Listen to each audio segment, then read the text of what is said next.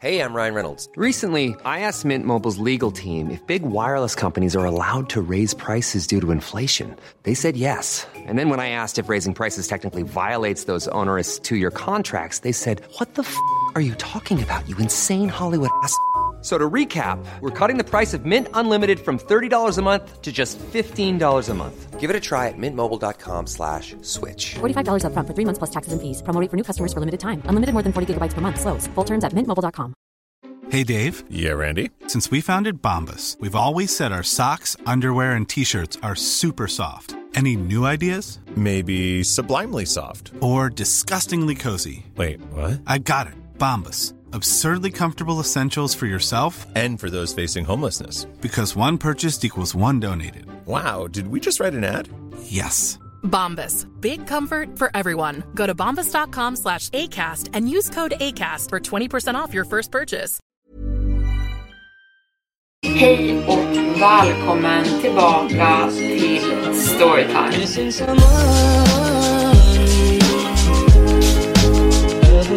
Varmt välkomna ska ni vara tillbaka till Storytime-podden med mig Evelin Blomfelt och idag så ska vi ännu en gång prata lite om stalkerfall. Så det är några stycken kortare stalkerfall i det här avsnittet, det ena mer skrämmande än det andra och utan vidare fördröjning så ska vi sätta igång. Glöm bara inte bort att följa podden där du lyssnar på den så att du inte missar uppladdningar. Just nu är det onsdagar och söndagar, men nu kör vi igång. Okej, så det här hände 2016. Jag var 17 år och jag gick mitt första år på college. Jag är idag 22 år och jag heter Julia. Jag bodde själv i min första egna lägenhet. Den var väldigt liten, men det kändes extremt skönt att vara självständig och bo själv för första gången. Jag känner mig aldrig särskilt otrygg, varken i den här lägenheten eller i området, för många anledningar. Vi hade flera olika portar för att ens komma in i själva byggnaden. Och alla portarna hade koder som bara vi som bodde där hade. Och dessutom hade min dörr tre olika lås. Själva lägenhetshuset låg precis bredvid mitt college det vill säga att det vistades bara studenter i det här området. Ingenting dåligt hände någonsin här. Jag har alltid varit extremt noga med att låsa dörren så fort jag lämnar min lägenhet. Och jag dubbelkollar alltid eftersom att jag har lite OCD. Så, en gång så lämnade jag min lägenhet på väg mot lektionen. Och för någon anledning kunde jag inte få ett av låsen att låsa igen sig ordentligt. Den hade frusit fast helt och det gick inte att låsa den hur mycket jag än försökte. Och dessutom, när jag väl försökte så fastnade min nyckel i nyckelhålet. Jag stod där och ryckte en stund, men fick till slut nog för jag började bli sen till lektionen redan som det var. Så jag gick till vaktmästaren i byggnaden för att be honom om hjälp, men han var inte inne just nu. Så jag bestämde mig för att skita i det och fixa det senare på dagen. Så jag gick till lektionen med min nyckel fortfarande fast i nyckelhålet. Jag drog av nyckelkedjan för att göra det mindre uppenbart att den satt där. När jag kom tillbaka från skolan så var vaktmästaren tillbaka igen och han kom för att hjälpa mig, men han kunde inte heller få ur nyckeln ur nyckelhålet på en bra stund. Efter att han hade stått och kämpat ungefär 15 minuter fick han på något magiskt sätt till slut ut den. Han sa att låset hade blivit skadat, men jag behövde nödvändigtvis inte byta ut hela låset, bara jag låste det en gång istället för två. Jag sa okej och han drog iväg och det var det. Jag tänkte inte så mycket mer på det och jag oroade mig inte för det heller. Just för hur säker jag faktiskt kände mig i den här byggnaden. Två månader passerade och jag höll på att slänga soporna sent på kvällen. Klockan var ungefär 11 medan jag pratade i telefon med min syster. Jag kommer ihåg att jag sa åt henne att jag höll på att slänga soporna och att jag sen skulle ta en snabb dusch och efter det dra iväg till en fest. Och som jag tidigare sa så låser jag alltid dörren fast jag började göra såna här små saker. Men eftersom att min lås var halvt trasigt så låste jag bara dörren en gång som jag nämnde. Men när jag kom tillbaka till min lägenhet så var dörren helt olåst, vilket direkt gjorde mig lite orolig. Så jag gick in i lägenheten och låste av ren vana dörren tre gånger efter mig med de tre låsen som jag hade. När man kommer in i min lägenhet, som bara är 20 kvadratmeter, så har du själva boytan precis framför dig och badrummet direkt till vänster. Jag hade lämnat badrumsdörren lite halvt öppen, så jag hade fri sikt rakt in i rummet och jag kunde se tydligt nog in där för att få syn på en man som stod i min dusch med sin rygg vänd mot mig. Min första instinkt när jag fick syn på honom var att direkt börja låsa upp min dörr och ta mig ut därifrån. Men bara det att jag hade råkat låsa det låset som var trasigt och jag kunde inte få upp den nu hur mycket jag än försökte.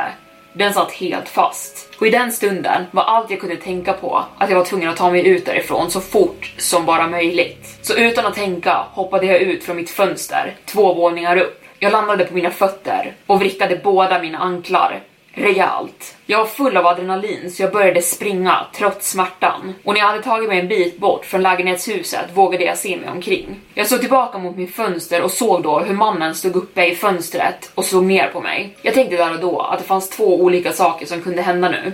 Antingen skulle mannen hoppa ut i fönstret, han med, och börja jaga mig och jag skulle inte kunna ta mig långt med mina anklar just nu. Eller så skulle han vara för rädd för fallhöjden och stanna inne i lägenheten. Och som tur var valde han alternativ nummer två. Jag sprang iväg och gömde mig i en buske en bra bit bort medan jag ringde polisen. Det tog dem bara några minuter att anlända till platsen eftersom att jag bodde väldigt nära polisstationen. De bröt ner min dörr och fann mannen sittandes i min soffa hållandes i en kökskniv, väntandes på att jag skulle komma tillbaka. Som att han trodde att jag inte skulle ringa polisen. De arresterade mannen och jag fick senare veta att han hade arresterats flera gånger för övergrepp, kidnappsförsök och mordförsök. De berättade också hur det hela hade gått till. Som jag sa så var det ett väldigt vänligt grannskap jag bodde i med massa studenter. Så han tog sig in i byggnaden genom att någon höll upp dörren för honom när han kom gåendes. Sen hade han gömt sig och hört mig berätta för min syster i telefonen att jag skulle ta en dusch när jag kom in efter att ha slängt soporna. Och det var därför han väntade in i badrummet på att jag skulle komma tillbaka. Han hade lirkat upp mitt enda lås medan jag var ute och slängde soporna. Han hade tydligen lagt märke till mig på skolområdet, följt efter mig hem flera gånger men aldrig lyckats ta sig in i byggnaden tidigare. Och anledningen till att han hade stannat in i lägenheten var för att han hade lagt märke till att det låg en telefon på mitt nattduksbord. Men det här var bara för att jag hade bytt telefon några veckor tidigare och inte gjort mig av med min gamla än. Han trodde därför inte att jag hade någonting att ringa polisen med. Jag bor inte kvar där mer. Men efter det här hände så ändrade byggnaden sina säkerhetsregler och nu måste alla identifieras noga för att komma in överhuvudtaget. Byggnaden har ID-kort och man måste skanna dem överallt för att ta sig runt. Ingenting dåligt hände där efter det här. Det bara fortsatt vara väldigt lugnt och stillsamt. För några år sedan flyttade jag till en väldigt avskild del av staden med min pojkvän. Vi ägde en liten del mark på baksidan av vårt hus som till mesta del bestod av skog, en liten bäck och lite åkermark. Jag brukade ta ut mina hundar varje dag på långpromenader och en dag upptäckte jag en del av skogen där det såg ut som att någon bodde eller hade ställt upp en campingplats. Det såg ungefär ut som man kan tänka sig att en hemlös person skulle bo. Det fanns en korg full med grenar som jag antog användes för att elda, en madrass, filtar och konserveburkar. Det såg ganska nytt ut, så jag antog att någon för stunden faktiskt bodde här. Så jag tog mina hundar och gick i en annan riktning och bestämde mig för att hålla mig borta därifrån. Jag berättade för min pojkvän vad jag hade hittat i skogen den dagen och vi båda diskuterade om vad vi skulle göra för att kunna förflytta den här personen från våran baksida. Eftersom att det här var våran mark så var vi inte direkt bekväma med att någon bodde och kampade så pass nära vårt hus. Men sen rann det lite ut i sanden och vi glömde bort det i några månader. Tills en dag då jag gick en lång promenad med mina hundar och råkade snubbla över området en gång till. Och nyfikenheten fick det bästa av mig och jag gick fram för att undersöka hur det såg ut. Den här gången såg det mycket mer stökigt ut. Det fanns skräp från massa hämtmat och pizzakartonger, men någon hade fortfarande eldat här, så jag gick därifrån. Samma kväll väntade jag hemma på att min pojkvän skulle komma hem från jobbet. Jag stod i köket och lagade mat med ansiktet vänt mot fönstren som löpte ut mot skogen. Jag hade tyckt mig se någon stå vid trälinningen och titta mot huset. Men det var så mörkt ute och jag har hemskt dålig syn. Så jag antog att jag bara inbillade mig. Men sen tog tankarna mig tillbaka till lägerplatsen jag hade sett den dagen. Jag började skrämma upp mig själv. Skulle det kunna vara den personen som bodde där ute, som stått och tittat på mig? Jag visste att någon förmodligen bodde där ute, men varför skulle den vilja visa sig för oss? Och inte hålla en låg profil? Det var helt ologiskt. Jag fortsatte laga mat och tänkte på det mer och mer och skrämde upp mig hela tiden. Jag började se mig runt vid alla fönster och hoppades att jag bara övertänkte situationen. Men det var då jag hörde det en knackning från bakdörren. Vi hade en gardin som täckte för fönstret på den så jag kunde inte se ut och kunde inte få någon syn på vem det var som stod och knackade och jag skulle inte kunna se vem det var från något annat fönster i huset heller. Jag gick fram till dörren och flyttade undan gardinen. Ingen var där, men mina hundar hade börjat skälla vid den punkten, vilket du säkert vet om du har hundar till exempel. Att är det redan känner dig uppskrämd och de börjar skälla så kan det kännas hundra gånger värre. Jag hade Alexa på som spelade musik och jag sänkte direkt volymen för att kunna höra bättre. Hundarna stod nu och skällde i vardagsrummet ut mot fönstren men jag kunde fortfarande inte få syn på någonting. Jag drog igen alla gardiner och försökte lugna ner dem, men jag började känna mig väldigt, väldigt obekväm. Helt plötsligt kom ett ljud inifrån köket, som att någon tacklade When you're ready to pop the question, the last thing you want to do is second guess the ring. At Bluenile.com, you can design a one of a kind ring with the ease and convenience of shopping online. Choose your diamond and setting. When you find the one, you'll get it delivered right to your door. Go to Bluenile.com and use promo code LISTEN to get $50 off your purchase of $500 or more. That's code LISTEN at Bluenile.com for $50 off your purchase. Bluenile.com code LISTEN. Hey, I'm Ryan Reynolds. Recently, I asked Mint Mobile's legal team if big wireless companies are allowed to raise prices due to inflation. They said yes. And then when I asked if raising prices technically violates those onerous two year contracts, they said, What the f are you talking about, you insane Hollywood ass? F- So to recap, we're cutting the price of Mint Unlimited from $30 a month to just $15 a month. Give it a try at mintmobile.com slash switch. $45 upfront for three months plus taxes and fees. Promo rate for new customers for limited time. Unlimited more than 40 gigabytes per month. Slows. Full terms at mintmobile.com. Hey, Dave. Yeah, Randy. Since we founded Bombus, we've always said our socks, underwear, and t shirts are super soft. Any new ideas? Maybe sublimely soft. Or disgustingly cozy? Wait, what? I got it. Bombus. Absurdly comfortable essentials for yourself And for those facing homelessness. because one purchased equals one donated. Wow, did we just write an ad? Yes. Bombas. Big comfort for everyone. Go to bombas.com slash ACAST and use code ACAST for 20% off your first purchase. Hiring for your small business? If you're not looking for professionals on LinkedIn, you're looking in the wrong place. That's like looking for your car keys in a fish tank. LinkedIn helps you hire professionals you can't find anywhere else, even those who aren't actively searching for a new job but might be open to the perfect role. In a given month, over 70% of LinkedIn users don't even visit other leading job sites. So start looking in the right place. With LinkedIn, you can hire professionals like a professional. Post your free job on linkedin.com slash people today. Dörren. Hundarna tappade det helt och sprang fram till köksdörren och jag efter dem. Dörren började skaka våldsamt när någon röck i handtaget och försökte ta sig in. Gardinstången som höll upp gardinen som täckte för fönstret på dörren föll ner till golvet av rörelsen och jag såg en man som hade en vit mask på sig utanför. Han fortsatte att trycka på dörren och jag hyperventilerade vid det här laget. Om jag skulle flytt ut i ytterdörren skulle han förmodligen komma ikapp mig på bara några sekunder. Så jag lämnade mina hundar på nedervåningen och sprang upp. Sen låste jag in mig själv i badrummet. Jag var så rädd. Jag var rädd för mina hundars skull. Jag ringde polisen medan jag lyssnade på bankandet mot våran bakdörr och hundarna som skällde vildsint. Jag minns hur jag inte ens hann tala om min adress till poliserna innan bankandet helt plötsligt stannade. Jag kunde fortfarande höra skällandet, men ingen blev bankande mot dörren. En sekund var jag helt övertygad om att han hade lyckats ta sig in i huset. Men i så fall borde jag ha hört någon slags kamp mellan han och mina hundar. Med tanke på att mina hundar var German shepherds. Trots det hörde jag ingenting. Polisen anlände väldigt snabbt och bakdörren var fortfarande intakt. Jag talade med poliserna ut genom badrumsfönstret för att jag var för rädd för att släppa in dem innan de kollat av hela området runt huset. När de gjort det var jag tvungen att lugna ner mina hundar innan jag släppte in dem med tanke på hur uppjagade de var vid det här laget. Jag berättade för polisen om den hemlösa personen som hade bott i skogen bakom vårt hus och de kollade runt i området där jag beskrivit men kunde inte hitta någonting särskilt misstänkt. Det var tills några veckor passerade när jag själv och min partner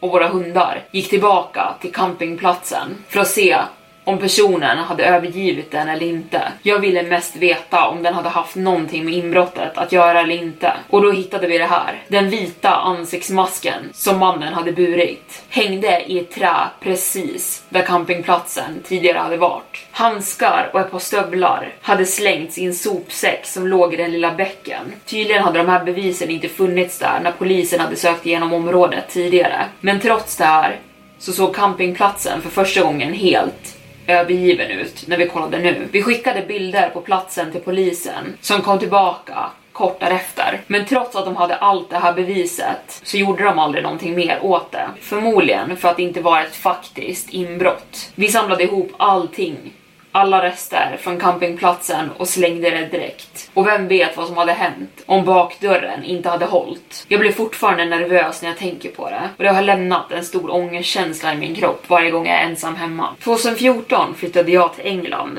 från Kanada för att få lite arbetserfarenhet och livserfarenhet generellt och för att hitta mig själv. Det slutade med att jag flyttade till Essex och bodde med tre andra rumskamrater. Alla var kvinnor och alla var lite äldre än vad jag var. Jag var 24 år då. Megan var 31. Sherry var 34 och Cassie var 38. Megan kom från New York. Sherry från New Jersey och Cassie från Polen. Vi alla delade på en trerumslägenhet. Den hade ett vardagsrum, ett kök och vi bodde på markplan så baksidan av lägenheten var helt inglasad så vi kunde se ut mot trädgården bakom. Trädgården hade högt staket runt sig, vem som helst kunde inte ta sig in där. Och huset hade en intressant dynamik.